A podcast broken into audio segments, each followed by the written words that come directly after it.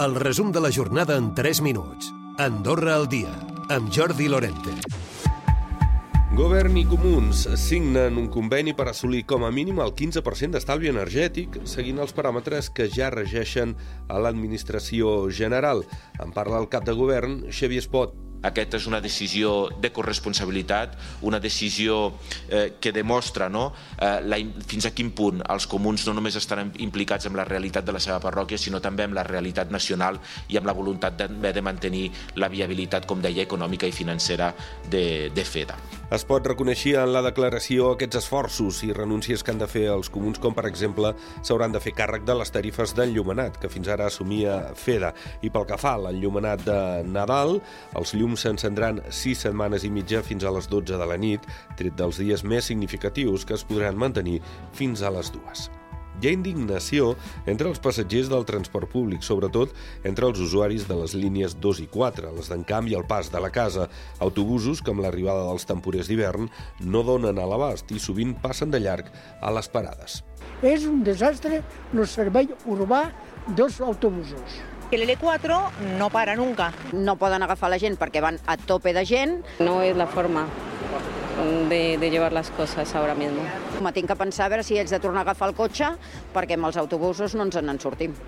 Des de Copalsa, la companyia responsable de la majoria de les línies de transport públic del país, també atribueixen aquest augment d'usuaris i aquests problemes a la gratuïtat del transport públic. Demanen també al govern celeritat en les contractacions de personal que ha de venir de lluny. Gabriel Dalleres és gerent de Copalsa. Nosaltres estem contents de qualsevol mesura de transport que posi més usuaris al transport públic, el que passa que tot això són adaptacions que s'han fet d'una manera no diria precipitada, però ràpida i sense tenir temps de, de fer preparacions prèvies i això provoca doncs, una mica de saturació en alguns moments. El que sí demanem una certa agilitat a l'administració doncs, perquè tramitin aquests expedients el més ràpidament possible per poder atendre correctament l'increment de demanda que tenim.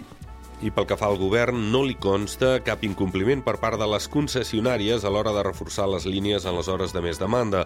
Recorda que els passatgers poden anar de peu sense risc mentre no se superi la capacitat màxima i renovada la concessió dels vols a Madrid des d'Andorra a la seu amb la companyia Air Nostrum, tot plegat un any més.